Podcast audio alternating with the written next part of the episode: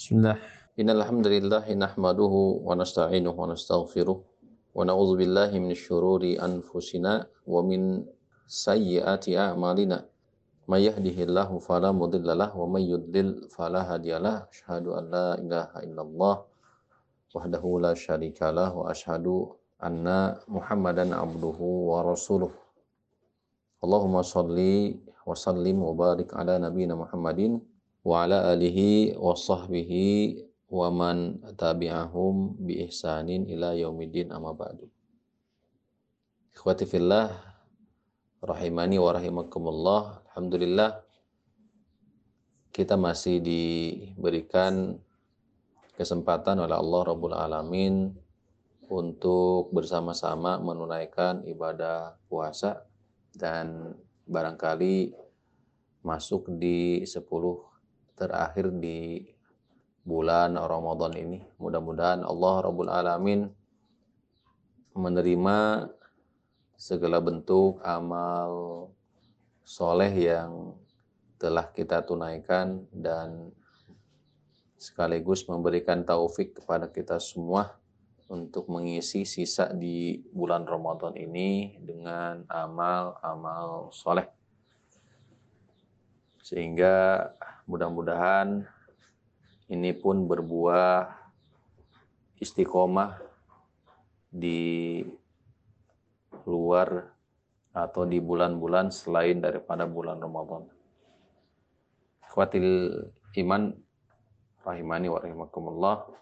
Salawat serta salam senantiasa tercurah kepada Nabi Rahmah Nabi Muhammadin tidak lupa kepada keluarganya, kepada para sahabatnya, kepada para tabi'in, tabi'ut tabi'in, dan mudah-mudahan sampai kepada kita semua. Kurang lebih insya Allah ta'ala dua sesi tema yang akan sama-sama kaji di penghujung dari bab sholatul aidain. Adapun tema yang insya Allah ta'ala kita akan angkat adalah hukum sholat nafilah sebelum sholat id. Hukum sholat nafilah sebelum sholat id dan setelah sholat id. Penulis rahimahullahu taala Al-Hafidh Imam Ibnu Hajar Al-Asqalani dalam kitabnya Bulughul Maram mencantumkan dua hadis berhubungan dengan bab ini. Pertama hadis Abdullah Ibnu Abbas Qala al-musannifu rahimahullah ta'ala an ibni Abbasin radhiyallahu ta'ala anhuma dari Abdullah ibnu Abbas radhiyallahu ta'ala anhuma anna Nabi sallallahu alaihi wasallam shalla yaumal Eid rak'atain lam yusalli qablaha wala ba'daha. Akhrajahu sab'ah. Dari Ibnu Abbas radhiyallahu taala anhuma sesungguhnya Nabi sallallahu alaihi wasallam beliau telah menunaikan salat di hari Id dua rakaat. Lam yusalli qablaha wala ba'daha.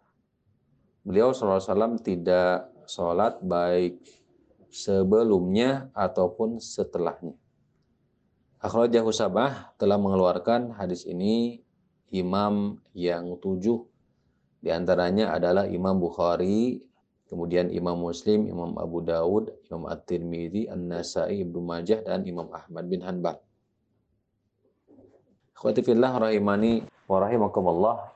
Hadis ini merupakan landasan dalil bahwa tidak ada syariat sholat nafilah sebelum sholat id ataupun setelahnya. Lianna Nabi sallallahu alaihi wasallam lam yaf'al dzalika wala amara bihi. Karena memang Nabi sallallahu alaihi wasallam tidak melakukannya, tidak pula memerintahkannya falaisa bimasyru'in fi haqqihi fala yakunu masyru'an fi haqqina.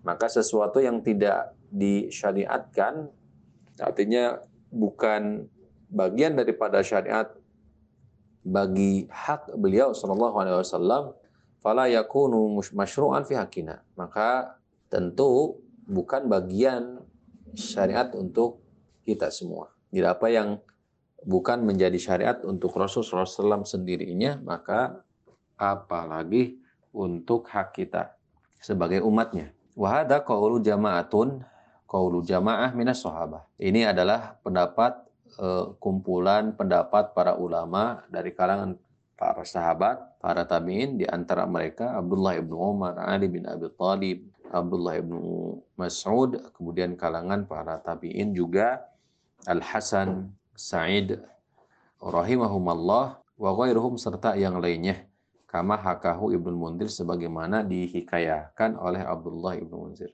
oleh Ibnu Munzir afan Wal sani sedangkan pendapat yang kedua itu ah, pendapat yang pertama berhubungan dengan masalah. Pendapat yang kedua jawazus sholati fi musallal id. Bolehnya sholat di musalla al-id di tempat sholat id. Qabla sholah wa ba'daha bolehnya sholat di musolla id tempat sholat baik sebelum sholat id atau setelahnya. Ida dakhalal musolla ba'dan tifai asyamsi apabila telah masuk tempat sholat musolla setelah terbitnya matahari. Setelah terbitnya matahari. Lianna sholata mubahatun fi kulli waqtin. Karena sungguhnya sholat itu diperbolehkan di setiap saat illa fi waqti awqati an-nahi kecuali di, memang di waktu-waktu yang terlarang. Walam yasbut fil man'i dalilun dan tidak ada ketetapan dalam pelarangan satu dalil pun. Ya. Wa hada marwiyun an, an Anas bin Malikin wa Abi Hurairah. Ini merupakan riwayat dari Anas bin Malik kemudian Abu Hurairah kama hakahu Ibnu Munzir sebagaimana pula dihikayahkan oleh Ibnu Munzir.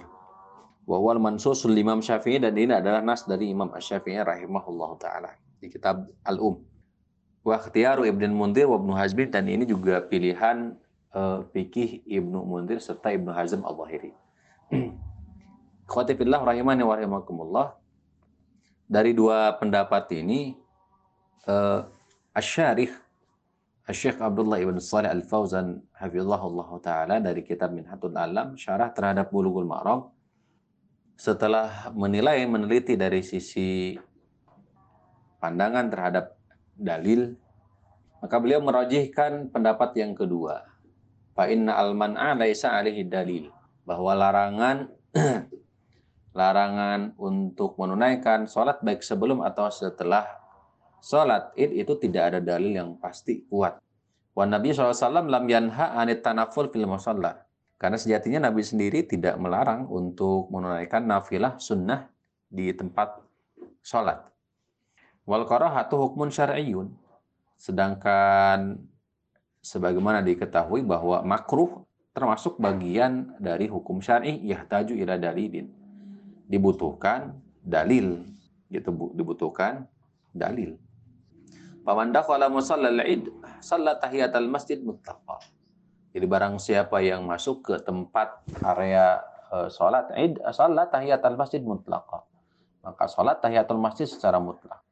Wa illam yakun waqtun waktu nahin jazalahu an yatanaffal. Maka sesungguhnya jika itu bukan termasuk waktu yang terlarang, maka diperbolehkan untuk menunaikan sholat nafilah. Lianna al-zahir anna musallal id masjid. Karena ditinjau dari sisi lahir, musolla id, tempat sholat, itu tempat sholat id itu termasuk kategori dari sisi masjid juga, ditinjau dari sisi bahasa lahir. Lianna ta'rif al-masjid yang tabiku alaihi. Karena definisi daripada masjid itu sendiri itu sesuai dengannya. Faya khudu ba'da ahkamihi, maka mengambil sebagian daripada hukumnya. Sebagian daripada hukumnya. Ada di kitab Syarh Mumti karya Syekh Muhammad Ibn Salih Al-Utsaimin rahimahullah Wa ma hadithul bab fala hujjata fihi. Adapun hadisul bab, hadis bab yang sedang kita kaji maka ti, tidak bisa dijadikan sebagai hujjah. Dan nahu waridun fi haqqil imam. Karena ini berhubungan dengan hak imam. Fa inna Ibnu Abbas innama nafas salatan Nabi. Karena semuanya Ibnu Abbas radhiyallahu taala anhuma Innama nafas salatan Nabi. Sedang menjelaskan tidaknya Nabi SAW menunaikan sholat. Qoblaha au ba'dah, baik sebelum atau setelahnya. Waqad ajmal ulama ala anna SAW lam yakun yusalli qabla al-id wala ba'daha fi wadhiha. Di mana Nabi SAW tidak Dan ini merupakan kesepakatan para ulama bahwa Nabi SAW tidak menunaikan sholat sebelum id ataupun sesudahnya. Pi maudiha di tempatnya. Wa amal ma'mum palam yadid pihaki dalilun alaman ihi. Adapun secara khusus untuk makmum maka tidak ada dalil yang menyertakan, menegaskan hal tersebut, larangan dari sholat sunnah. Fayabko alal asli, maka kembalilah kepada hukum asal. Kembali kepada hukum asal. Fa'in suliyat, fa'in suliyat al-idu fi ba'dil masajid, jika sholat id sudah tertunaikan di sebagian masjid, kama yahsulu fi zamanin hada, sebagaimana eh, terjadi di zaman sekarang, Surya lidakhil an yuaddi tahiyatul masjid. Maka disyariatkan untuk orang yang masuk menunaikan tahiyatul masjid kama laudah dakhala li ghairi salatil id sebagaimana dia masuk li ghairi salatil id pada salat id qaulan wahidan. Ini pendapat yang satu. Binaan alal qaul bi jawaz zawatil asbab fi awqatin nahi. Ini berlaku apabila memang mengambil pendapat bahwa bolehnya sholat uh, zawatul asbab di waktu-waktu yang terlarang di dalam kitab Mawakid. Qatifillah rahimani wa rahimakumullah. Kemudian uh, Musannif rahimahullah taala juga mencantumkan satu hadis tentang hukum tatawu, hukum sholat sunnah dua rakaat setelah kembali dari tempat sholat id. Yaitu hadis Abu Sa'id Al-Khudri di mana beliau menuturkan karena Rasulullah SAW la yusalli qabla al-'id syai'a Rasulullah SAW dahulu tidak menunaikan sholat sebelum sholat id apa pun juga. Faidah raja'a ila manzil sholat rakatain. Dan apabila beliau kembali ke rumahnya, maka beliau sholat dua rakaat. Rawahu Ibnu Majah bisnadin hasanin telah meriwayatkan Ibnu Majah dengan sanad yang hasan. Penilaian hasan ini ditilai oleh Al-Hafidh Ibnu Hajar Al-Asqalani sebagai di sini dalam Bulughul Maram, begitupun dalam Fathul Bari dihasankan. Ikhwatifillah rahimani wa. Hadis ini dijadikan oleh para ulama sebagai landasan dalil syariat tatawu salat sunnah dua rakaat fil baiti ba'da ruju di rumah setelah kembali dari tempat sholat id lapangan wahadalah yu'aridu mata qaddama dan ini tidak bertolak belakang dengan hadis sebelumnya hadis yang Eh, sebelumnya sudah kita kaji tadi.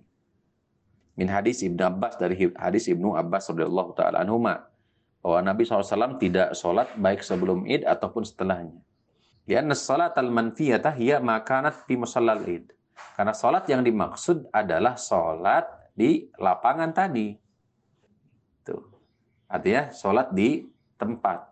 Beliau Nabi SAW tidak sholat sebelum sholat id dan setelah sholat id di lapang tersebut. Fi hadal hadis di dalam hadis ini annahu shalla fi manzilihi dan di dalam hadis ini sedang menjelaskan bahwa Nabi SAW sholat di rumahnya. Jadi faidah raja lingsan apabila seseorang pulang dari dari lapangan menuju tempat menuju rumahnya wa arada an yusalliya fala ba'sa kemudian dia ingin menunaikan sholat berdalil dengan hadis ini, maka pala baksa, maka ini tidak ada masalah. Insyaallah taala wallahu taala a'la wa a'la. Demikian ikhwati fillah rahimani wa rahimakumullah berhubungan masalah sholat sunnah baik sebelum atau setelah dari sholat ini. Mudah-mudahan yang sedikit ini menjadi ilmu yang bermanfaat. Li walakum wa sallallahu ala nabiyina Muhammadin wa ala alihi wa.